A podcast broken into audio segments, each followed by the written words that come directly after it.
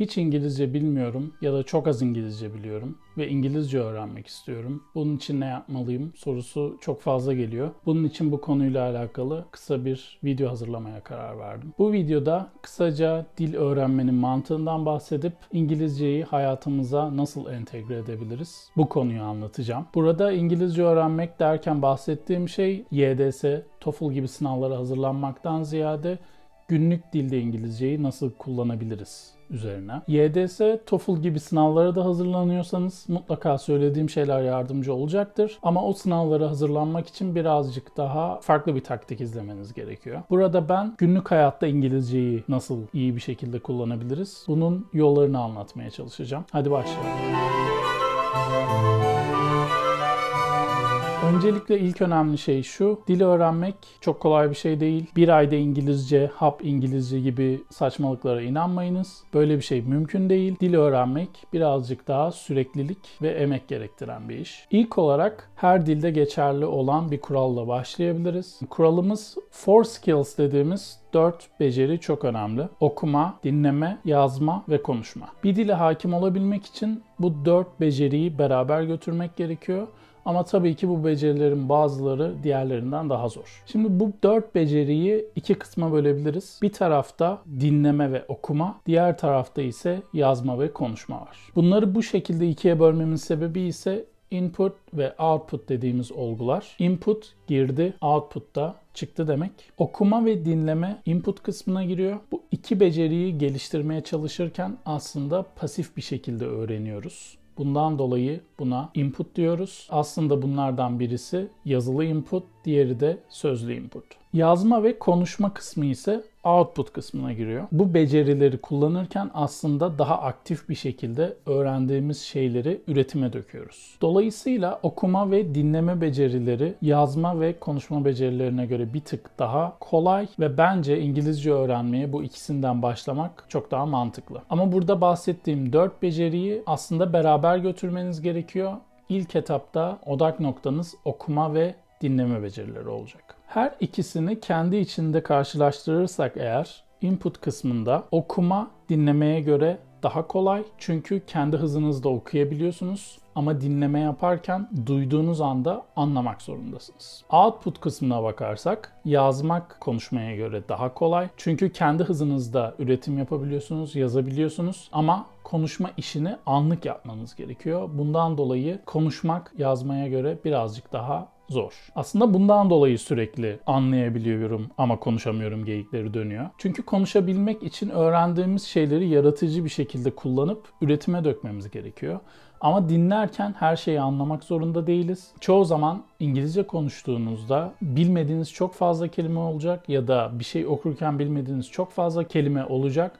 Ama önemli olan bu kelimeleri bağlamdan, konteksten çıkarabilmek. Dolayısıyla bir dili öğrenirken öncelikle okuma ve dinleme becerilerine odaklanmak çok daha mantıklı. Ama herkesin genel sorunu şu. Herkes İngilizce öğrenmek istiyor ama vakti yok. Özellikle İngilizce öğrenmeye küçük yaştan itibaren başlamadıysanız sonraki süreçte İngilizce öğrenmek birazcık daha zor olabilir ve öğrendiğiniz şeyleri çok daha hızlı bir şekilde unutabilirsiniz. Dolayısıyla İngilizce öğrenirken asıl mesele İngilizceyi hayatımıza çok fazla çaba harcamadan entegre edebilmekte ve bunda bir süreklilik sağlayabilmekte. Sürekliliği sağlayamadığımızda ise dil nankördür sözüyle karşılaşıyoruz 5-6 ay uğraşıp bir dilde kendinizi geliştiriyorsunuz ama sürekliliği kaybettiğiniz an 1-2 ay içerisinde bildiğiniz her şeyi unutabiliyorsunuz. Şimdi burada anlatacağım şeyler evde kendi kendinize İngilizcenizi geliştirmenize yardımcı olacak şeyler. Kısaca dil öğrenmenin mantığını anlatmaya çalışacağım. Öncelikle ilk becerimizden başlıyoruz okuma. İlk olarak günlük hayatınızda sürekli kullandığınız şeyleri mesela telefon, televizyon, bilgisayar bunları İngilizceye çevirerek başlayabilirsiniz. Telefonunuzu İngilizceye çevirdiğiniz zaman mesela atıyorum Twitter kullanıyorsanız Twitter'da tweetleri gördüğünüzde altında Translate Tweet yazısını göreceksiniz. Bu çok fazla Twitter'da vakit harcıyorsanız sizin için ilk adım olabilir. Türkçe gördüğünüz tweetlerin altındaki Translate Tweet'e tıklıyorsunuz. Bu şekilde Türkçe tweetlerin İngilizcelerini görebiliyorsunuz.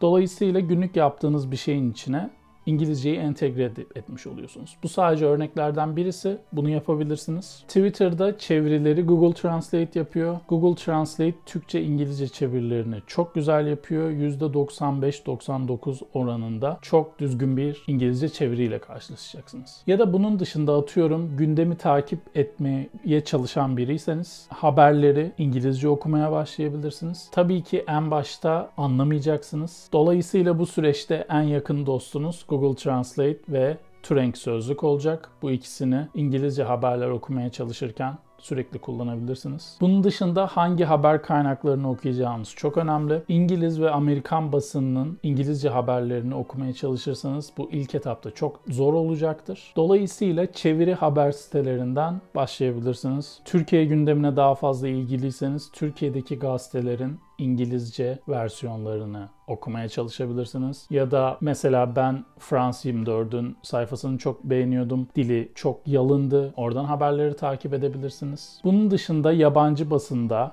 veya herhangi İngilizce metin yazan bir köşe yazarını takip edebilirsiniz. Ama dediğim gibi ilk etapta bu metinleri anlamayacaksınız. Muhtemelen %1'ini %2'sini anlayacaksınız.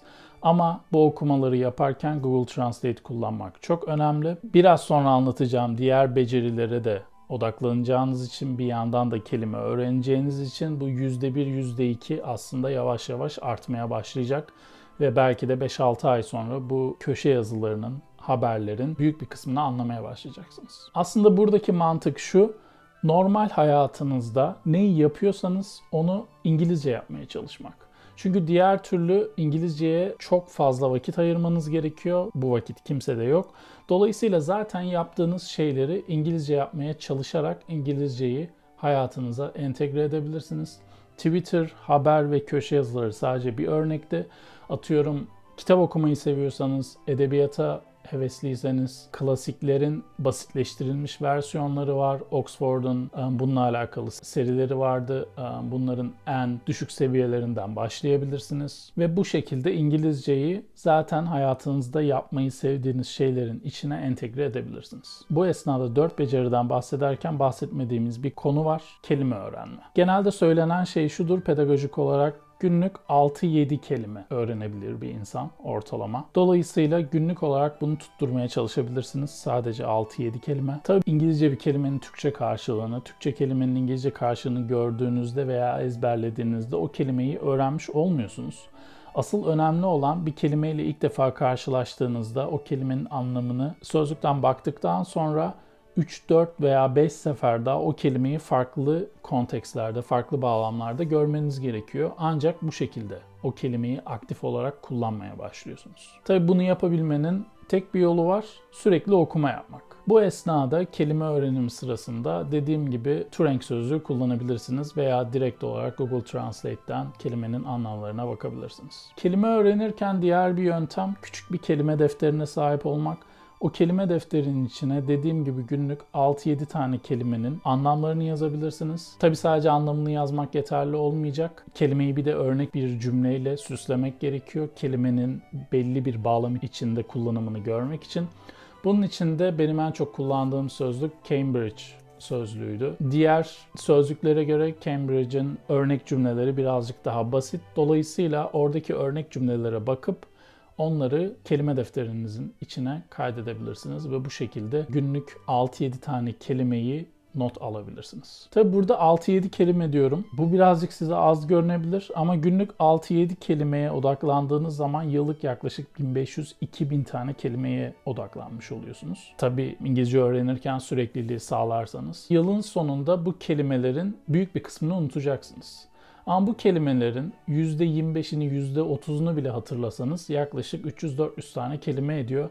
Ve bu 300-400 kelimeyi aktif bir şekilde kullanabilirseniz aslında günlük dilde rahat bir şekilde İngilizce anlayıp İngilizce konuşabilirsiniz. Şimdi ikinci beceriye geçiyoruz. dinleme. Burada da taktiğimiz aynı. Zaten günlük hayatta yapmayı sevdiğimiz şeylerin içerisine İngilizceyi entegre etmek. Mesela gündem takip etmeyi seviyorsanız, gazete okumayı seviyorsanız haberleri İngilizce dinleyebilirsiniz. Ya da atıyorum dedikodu yapmayı seviyorsanız çok güzel İngilizce dedikodu podcastler var. Onları dinleyerek başlayabilirsiniz. Ama dediğim gibi en başta bunları anlamayacaksınız. %1, %2 anlama seviyesiyle başlayacaksınız. Ama yavaş yavaş kendinizi geliştirdiğinizde bu yüzde artacak. Tabi bunların dışında dinleme becerisini geliştirmenin en önemli yollarından birisi film ve dizi izlemek. Oradaki taktiğimiz de şu. Aslında önceden izlediğiniz dizileri tekrar tekrar izlemeniz gerekiyor. Örnek vermek gerekirse Friends dizisi.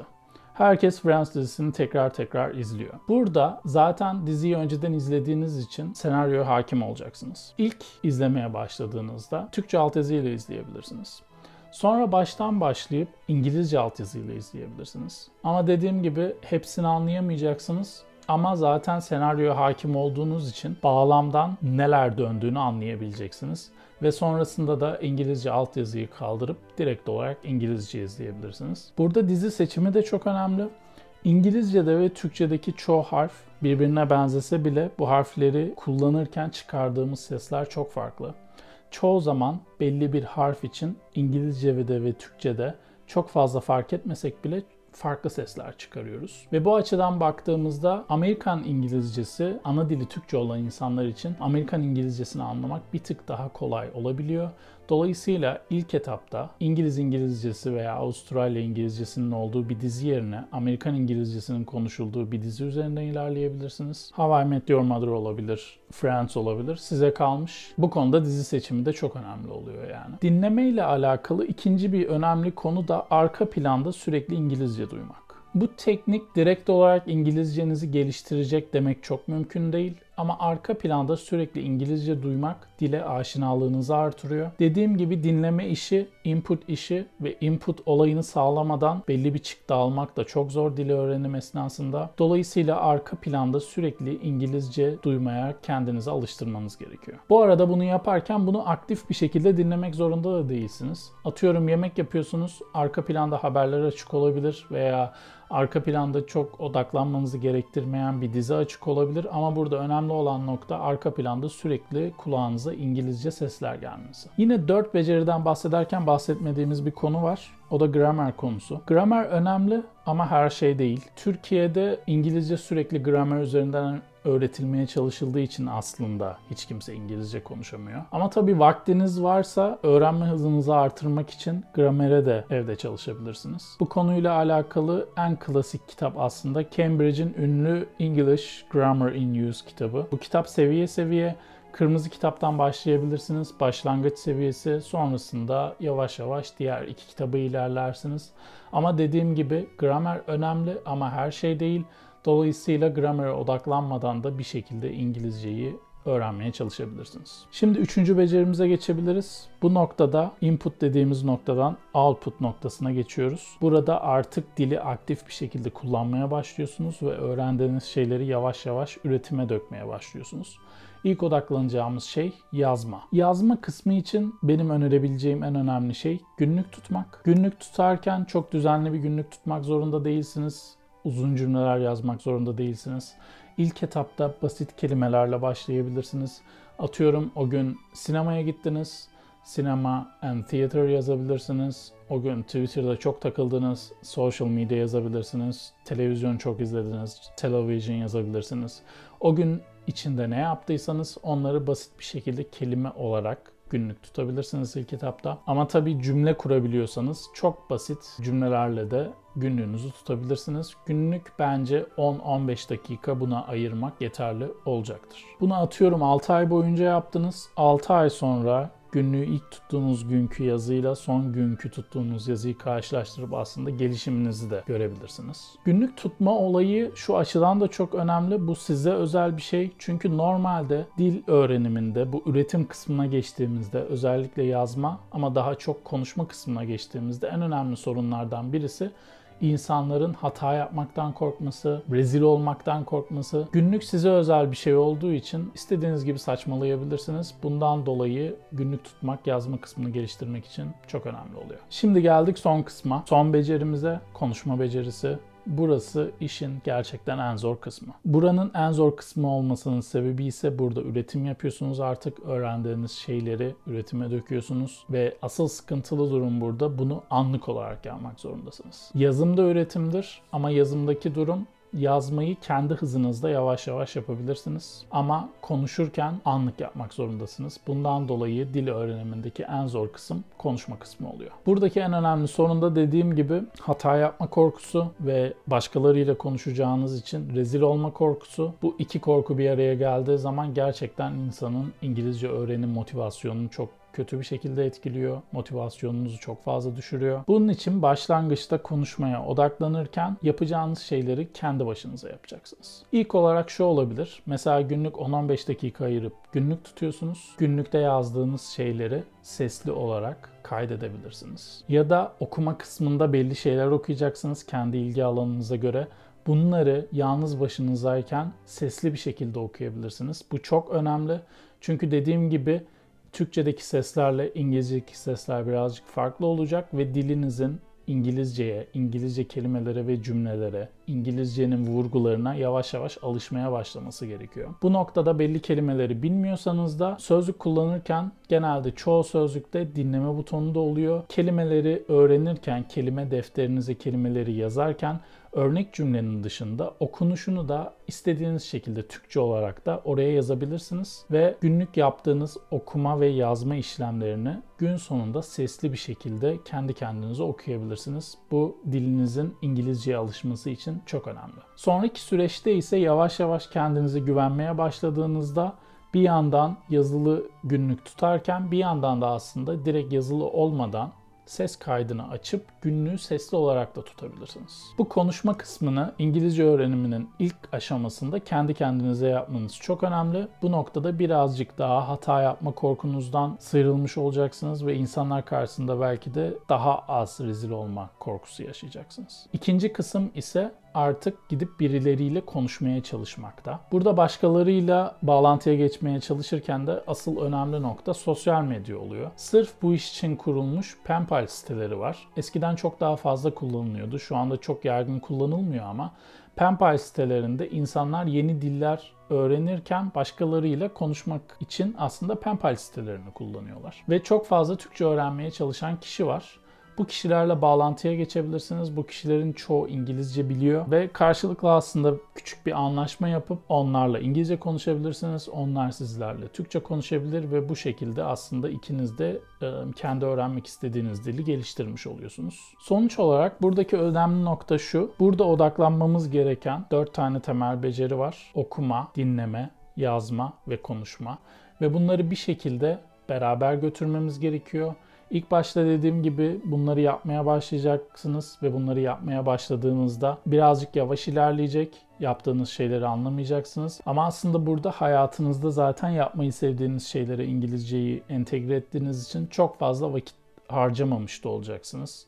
Burada verdiğim taktikler arasında sadece günlük tutma mevzusunda oturup akşam bir 10-15 dakika vakit ayırmanız gerekiyor. Ama buradaki önemli nokta bu 4 beceriyi ve bunun yanında da kelime defterini ve birazcık daha vaktiniz varsa e, bahsettiğim kitaplardan gramer öğrenme olayını aslında hep beraber götürmeniz gerekiyor. Bugünlük bu kadar.